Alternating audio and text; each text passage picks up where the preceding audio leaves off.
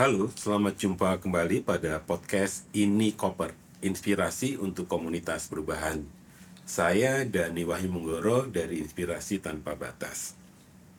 Kali ini saya ingin ngobrol dengan seorang sutradara muda yang luar biasa karena filmnya berjudul Bising baru saja masuk dalam nominasi Piala Citra untuk tahun 2023. Nah, di depan saya ada Amar Haikal. Hai Amar, Halo. apa kabar kita ketemu lagi nih? Iya. Alhamdulillah baik. Mar, saya sebenarnya keren banget ya kamu yang bisa masuk ke nominasi Piala Citra tahun ini gitu. Dan sempat juga saya tonton YouTube-nya tuh di apa tentang pengumuman ini. Saya tuh penasaran beneran kok bisa ya film Amar masuk ke nominasi itu satu ya sebenarnya itu penasaran banget yang kedua apa sih latar belakang kok bisa sampai tercipta bising gitu Oke. Iya, jadi eh, Bising itu sebetulnya diciptakan atau dibuat filmnya sebagai syarat dari tugas UTS eh, kelas penyutradaraan film pendek semester 6 di IKJ. Film ini dibuat oleh saya dan teman-teman awalnya untuk tugas. Namun karena materi cerita yang kami rasa eh, penting dan perlu untuk disebarluaskan, akhirnya kami memutuskan untuk menggarap ini secara lebih lebih serius dan didistribusikan ke ke banyak festival gitu, ke banyak tempat gitu. Eh, filmnya sendiri eh, kemarin itu baru memenangkan eh, piala national competition di Mini Kino Film Week atau Bali International Film Festival dan setelah dari situ mendapatkan nominasi di FFI gitu. Jadi mungkin eh, berawal mulanya dari situ. Bagaimana Bising bisa traveling. Iya. sebenarnya itu cerita apa sih Ya. sampai bisa apa orang terpukau gitu dengan apa provokasi Amar Iya. Iya, jadi memang ya filmnya filmnya sangat provokatif, sangat bising gitu ya. Um, in every sense of the way gitu karena film ini bercerita tentang seorang laki-laki pemuda yang datang ke sebuah bengkel motor di larut malam untuk mencari pelepasan. Pelepasan ini dalam bentuk teriakan atau tangisan yang ditutupi oleh suara knalpot dari si pemilik bengkel twist dari dari film ini adalah ternyata pria ini bukan satu-satunya yang sering datang ke bengkel itu tengah malam untuk berteriak, untuk menangis di balik suara knalpot motor. Gitu. Judul bahasa Inggris atau judul internasional film ini Chorus of the Wounded Birds yang artinya em, nyanyian burung-burung yang terluka.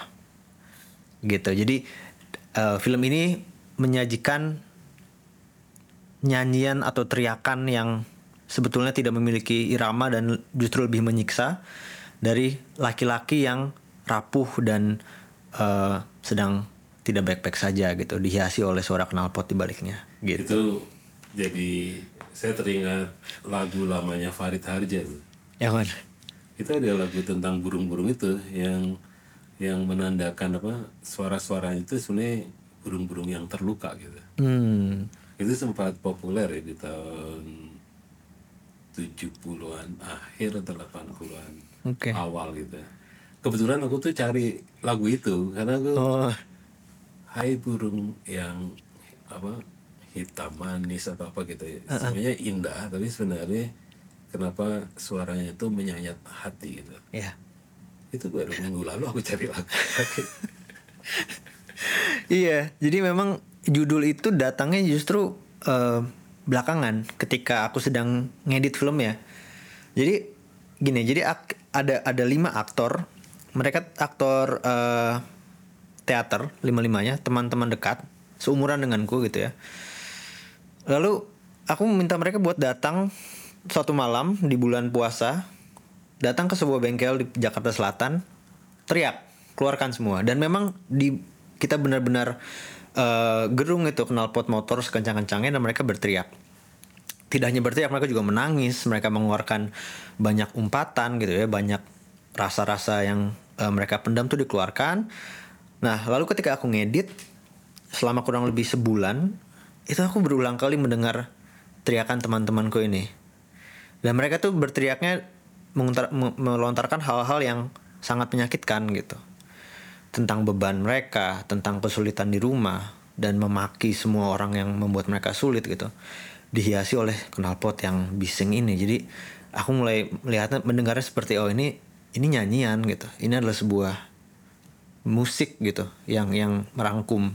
Aku tuh sebenarnya waktu SMP kelas 2 itu motor saya kenal potnya selepas. Keras banget gitu. Eh, Dan dugaan saya sih sebenarnya saya tuh orangnya pendiam kan. Hmm. Jadi waktu itu knalpot menjadi representasi suaraku Yes. gitu loh Yeah, di, di betul. jalanan gitu bahwa saya harus diperhatikan dong. ya. Dan cerita itu berakhir justru karena bapak telepon ke kepala polisi di kota kecil tuh di kota Pekalongan Eh, tolong dong tuh anak saya ditangkap gitu. jadi saya ditangkap dan kemudian harus mengganti knalpotnya di kantor polisi sendirian. Oh gitu. Waduh, jadi kebayang kan anak SMP kecil gitu. Iya. kalau knalpot diganti yang standar lagi gitu. Nah itu juga sesuatu yang kemudian reflektif juga tentang knalpot ini gitu. Bahwa bahwa bahwa suara tadi kadang karena tidak ada di diri saya saya harus punya representasi gitu Iya. untuk, untuk apa? Untuk menjadi motor itu menjadi saya gitu Iya. sehingga dia yang ber, bersuara gitu Iya. salah satunya pengen punya perhatian ke pacar atau Hmm. perhatian yang apa nih ternyata pacar pacarnya orang lain gitu jadi salah salah apa salah cari pacar itu dia udah udah sama orang lain jadi saya harus tunjukin gue maco banget gitu pakai motor suatu saat ketemu lagi itu kenapa sih kamu motornya sampai kenal potnya dibuka gitu ya biar dapat perhatian dari lo Tapi kalau omong-omong yang dikritik oleh Amas nih budaya apa sih sebenarnya? Jadi memang aku selalu punya eh, ketertarikan dalam membicarakan kompleksitas gender, khususnya gender laki-laki gitu. Karena menurutku dan ini juga termasuk aku sendiri ya. Aku itu eh, tumbuh besar sebagian besar hidup sama ayah, sama ayah saya gitu. Dan jadi semua ajaran yang didapat itu adalah ajaran laki-laki gitu. Dan ini aku sempat menemukan kesulitan ketika baru tumbuh remaja itu untuk memproses emosi secara sehat. Tapi teman-temanku yang eh, laki-laki juga tapi lebih dekat ke sosok ibunya bisa lebih pintar gitu. Nah ini ini awalnya dari situ. Lalu perlahan eh, mulai lebih terlihat lagi bahwa banyak ternyata ya laki-laki yang kesulitan gitu untuk untuk berbicara secara terbuka tentang perasaannya, tentang ketidaknyamanannya dan lebih dalam lagi tentang depresinya gitu. Dan pertanyaan berikutnya adalah lalu lalu ke mana ini semua lari gitu? Karena perasaan tersebut tidak akan hilang hanya karena tidak disampaikan gitu. Jadi tentu saja itu di- ditelan mentah-mentah sama mereka gitu, di dipendam dan pemendaman itu akhirnya menjadi sering kali menjadi termanifestasi pada hal-hal yang tidak baik gitu. Dan aku bahkan sempat menulis di director statementku kayak gini. Saya menulis film ini ketika sedang terjadi eh, perang antara Rusia dan Ukraina. Ketika itu Vladimir Putin itu punya kuasa eh, pada nasib seluruh dunia gitu. Dia bisa saja pencet tombol nuklir dan kelar udah semua gitu kan. Yang dipertanyakan adalah ada apa di masa kecilnya si Putin ini gitu. Kenapa dia sangat haus kuasa dan dia merasa sangat sangat insecure gitu untuk untuk berkuasa dan untuk eh, memiliki segalanya gitu. Pasti dia punya kompleks yang sangat yang sangat eh, rumit sekali gitu ya kalau kita telusuri lagi masa kecilnya hubungan dengan ayahnya segala macam gitu. Jadi dari situ mulainya baru baru kita eh, menelusuri hal-hal yang lebih kecil di sekeliling gitu seperti yaitu knalpot motor, graffiti gitu ya. Semua ini berasal dari krisis identitas dan kebisuan dalam menyuarakan perasaan pada laki-laki. Jadinya eh, tumpah ke mana-mana itu Em, efek buruknya gitu. Jadi yang ingin aku kritik tuh itu penggambaran bengkel dengan jasa teriak ini itu sebetulnya adalah sebuah em, komentar sosialku gitu bahwa segininya sesulit ini untuk laki-laki em, bisa menangis dan bisa berteriak tanpa didengar orang gitu. Wow. Eh sebenarnya saya kadang gini ya, kalau lihat di di di ke keseharian, di keseharian itu kan itu kan peristiwa itu juga sama saya alami meskipun saya sekarang ya udah udah cukup berumur ya. Tapi esensinya sebenarnya waktu saya kecil itu kan ayah meninggal, ya kan. Jadi saya tuh sebenarnya kehilangan juga justru sosok ayah itu tinggal ya ibu gitu. Tapi saya anak yang pertama gitu. Jadi saya sendiri kan juga pertama gimana ya saya sekolah gitu. Gimana saya bisa survive. Jadi pelarian saya sebenarnya justru menjauh gitu dari Ya. dari keluarga pindah ke Bogor gitu. Eh, keluarga semuanya pindah ke Bogor. gitu. Padahal se- tadinya saya pengen lebih tenang ya Iya. untuk bisa ya tadi belajar, cari uang. Ya akhirnya memang cari uang sendiri, kuliah bayar sendiri dan dan dan seterusnya itu Iya. sampai sampai lulus. Tapi memang tadi kalau sudah laki-laki anak pertama itu Iya. tuntutannya jadi apa nih makin Makin, bertumpuk gitu betul. untuk untuk apa untuk bahwa kenapa saya harus harus bertanggung jawab gitu Iya, untuk ini betul. semua tapi dunia memang memang begitu gitu Ya. nah yang ingin saya tanya ke Amar sebenarnya di dalam film Bising ini kemudian apakah tatanan sosial ini kita harus rombak gitu ya? Sehingga apa nih? Sehingga kekacauan gender ini bisa bisa lebih apa ya lebih terbuka ya. Kemudian lebih mungkin dipercakapkan bahwa laki-laki misalnya ya menangis sedih atau ya sensitif segala macam itu ya Iya. sebenarnya bukan sesuatu yang aneh gitu Ya. Eh, saya akan mencoba untuk bicara lagi lebih dalam lagi tentang storyline dari Bising ini ya. Karena justru itu justru subtext dari film ini adalah tentang em, hubungan ayah dan anak. Sederhananya adalah tokoh utama di film ini yaitu pria muda yang datang ke bengkel itu. Dia adalah seorang anak SMA yang sedang mencari ayahnya yang nikah lagi. Ayahnya kawin lagi dan tidak bisa ditemukan. Ibunya sendiri di rumah, dia punya adik dan dia depresi. Dia ke bengkel untuk berteriak karena dia stres. Di bengkel dia bertemu dengan seorang montir pemilik bengkel tersebut yang merupakan seorang ayah yang kehilangan hak asuh anaknya. anaknya. Di ayah ini di awal film dia menelpon mantan istrinya rebutan anak karena si mantan istri ini membawa anaknya pergi ke kota lain gitu untuk tinggal dan dia kehilangan asuh anaknya. Malam itu di bengkel tersebut terjadi pertemuan antara anak yang kehilangan ayah dan ayah yang kehilangan anak. Dan keduanya berteriak bersama-sama di bengkel tersebut. Tengah malam gitu.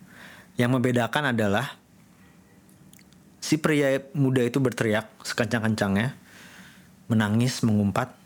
Tapi si montri bengkel ini dia berteriak melalui knalpot. Dia hanya menggeber knalpot sekencang-kencangnya tanpa bersuara sekalipun. Namun dari tatapan wajahnya dia menangis gitu, tapi tidak ada suara.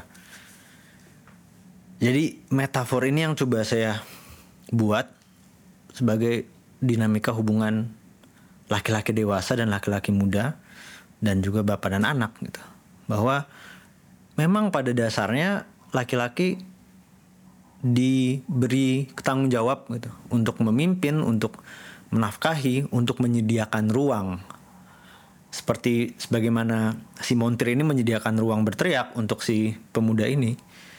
Tapi dalam proses tersebut sang penyedia terkadang tidak tersedia kebutuhannya. Jadi di sini ada ada ada garis yang patah gitu. Um, the feeder doesn't get fed. Gitu.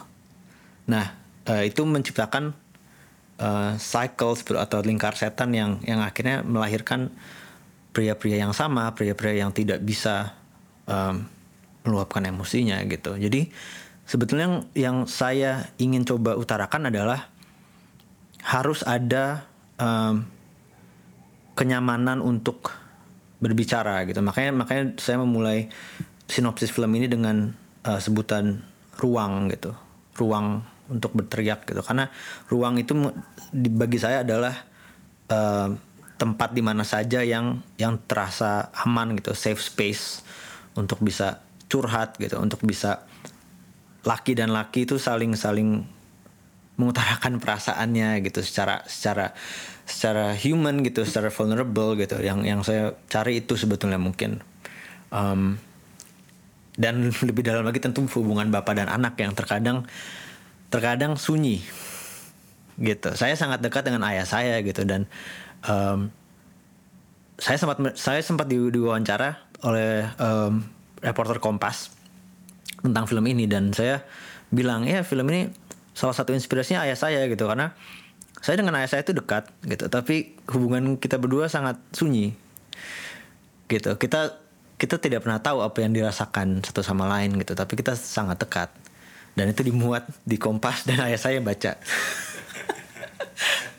Jadi ayah saya baca lewat portal berita baru dia bisa bisa mulai membicarakan oke okay, um, kita harus komunikasi lebih sehat gitu dan itu sebetulnya itu agak-agak ironi karena si film mengkritik pembuatnya gitu. gitu. Jadi aku ya menurut menurutku kurang lebih seperti itu, ya. Oke. Okay. Mm sebenarnya saya suka tapi setelah bising nih ke mana nih? Mau mem memprovokasi apa lagi? Oke, okay, um, setelah bising sekarang sedang menyiapkan uh, film pendek baru uh, berjudul Anak Macan. Anak Macan ini bercerita tentang seorang anak di Bantar Gebang, 12 tahun. Dia diberi tugas oleh sekolahnya untuk membawa sebuah barang milik ibunya dan bercerita tentang barang tersebut dan relasi ibunya gitu. Untuk hari ibu gitu. Satu masalah, anak ini sudah lama kehilangan sosok ibunya dan makam ibunya terkubur longsor sampah Bantar Gebang. Untuk menyelamatkan dirinya dari rasa malu di depan teman-temannya, anak ini punya waktu tiga hari untuk mencari barang di gunungan sampah Bantar Gebang yang bisa ia bawa ke sekolah. Jadi dia mencari barang-barang perempuan untuk ia koleksi dan dia bawa ke sekolah. Premisnya seperti itu, tapi di ending ada tulisan nanti gitu. Oke, ini percakapan yang menarik ya untuk untuk saya dan juga bagaimana kaitannya dengan yang kita sedang lakukan dua hari ini tentang fasilitasi sebenarnya. Ini kan dalam konteks fasilitasi yang kita ciptakan kan saya menyebutnya itu extraordinary space ya. Ruang yang aman bagi semua orang. Kalau Amar lihat tadi di di ruang kelas itu kan ada perempuan masyarakat adat yang sebenarnya sangat dari kampung gitu. Kemudian juga ada Pak tadi ada Pak Ferdi itu dari Sumba juga orang kampung banget mm gitu. Tapi di sisi la sisi lain kita ada kawan-kawan Jakarta yang merasa ya keliling dunia itu ya ya sehari-hari gitu. Ya pernah ke sini, ke Eropa, ke Amerika dan sebagainya jadi dalam ruang ini yang saya bayangkan adalah bahwa gimana ya caranya bikin satu ruang yang dibayangkan tadi, yang hmm. disebut apa? Semacam ruang apa? Safe space. Safe space tadi, yeah. ruang aman ini, itu sebenarnya representasi yang harusnya ada di mana-mana gitu. Betul. Ya kan? Yeah. Sehingga perbedaan-perbedaan yang di sini di hari pertama itu sempat kejadian bahwa yang yang dari kampung itu sempat kirim berita ke sponsornya gitu kelihatannya saya salah kelas gitu Hmm, oke. karena di sini ceritanya tuh luar negeri luar negeri semua saya baru paling tujuh desa di sekitar saya gitu Oke. ya kan ini juga satu Ya. satu apa satu ketegangan ya Ya. yang menyebabkan juga bahwa percakapan percakapan kita dalam konteks bangsa itu kan sebenarnya juga punya punya apa kepedi kepedihan kepedihan seperti itu gitu Ya. bagaimana ruangnya sendiri itu tidak memadai untuk untuk setiap orang Ya. nyaman juga nah kita coba buat sebuah sebuah apa nih ya sebuah percakapan yang begitu bebas yang kemudian kalau saya lakukan kan menghilangkan teks ya Ya.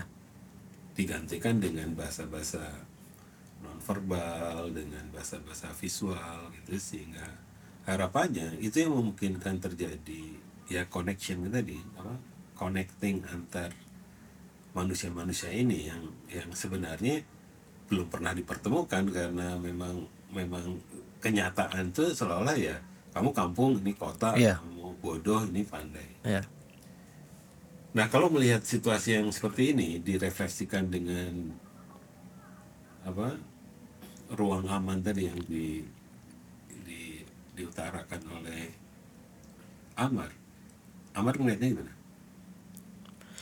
Ya memang eh, ruang aman ini sebetulnya sebuah hal yang em, terkadang di beberapa situasi gitu sangat arbiter gitu.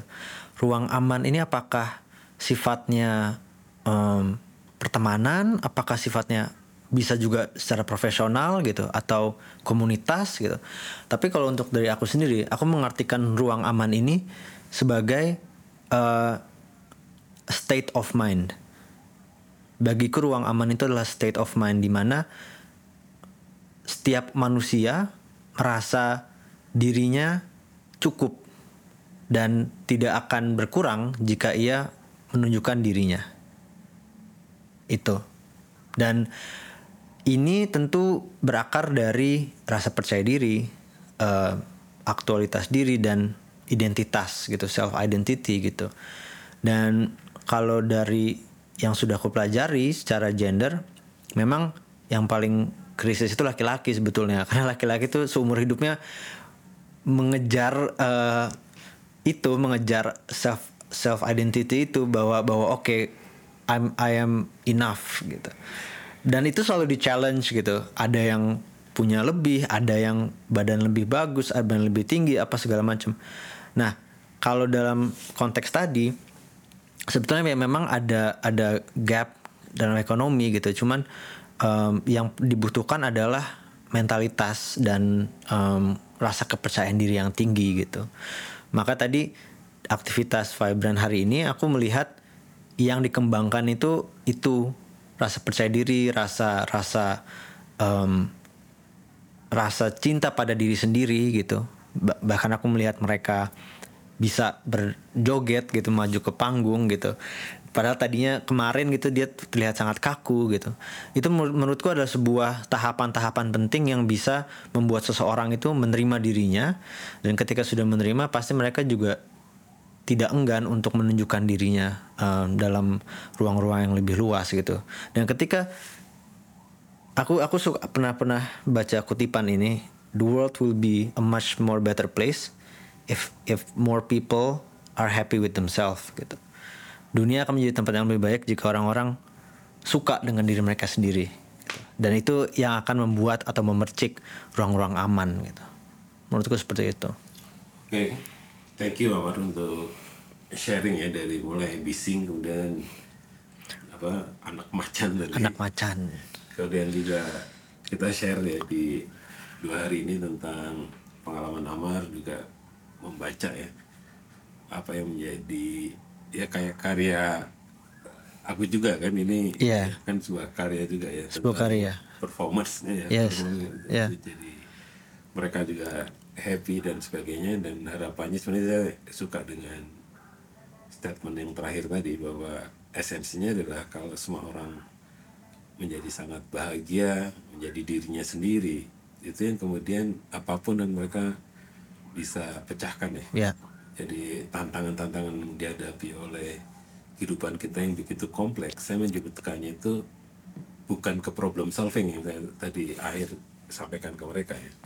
Ini sebenarnya kepandian kita melihat satu kenyataan itu ya situasi gitu. Ya, Ya kalau problem kan kita harus pecahkan ya. betul. Tapi kalau situasi itu kan kita lebih pandai beradaptasi. Beradaptasi.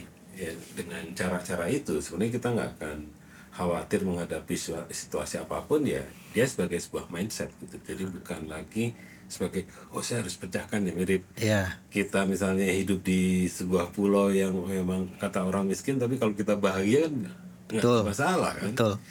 Jadi kira-kira itu yang kita bisa uh, close ya untuk untuk obrolan podcast kali ini. Ada nggak final statement? Em, dua hari terakhir ini eh, sebetulnya sangat eh, memberikan aku banyak sekali perspektif baru dan juga mengokohkan kepercayaan-kepercayaan yang sudah aku punya sebelumnya gitu tentang tentang diri dan relasinya dengan dunia gitu.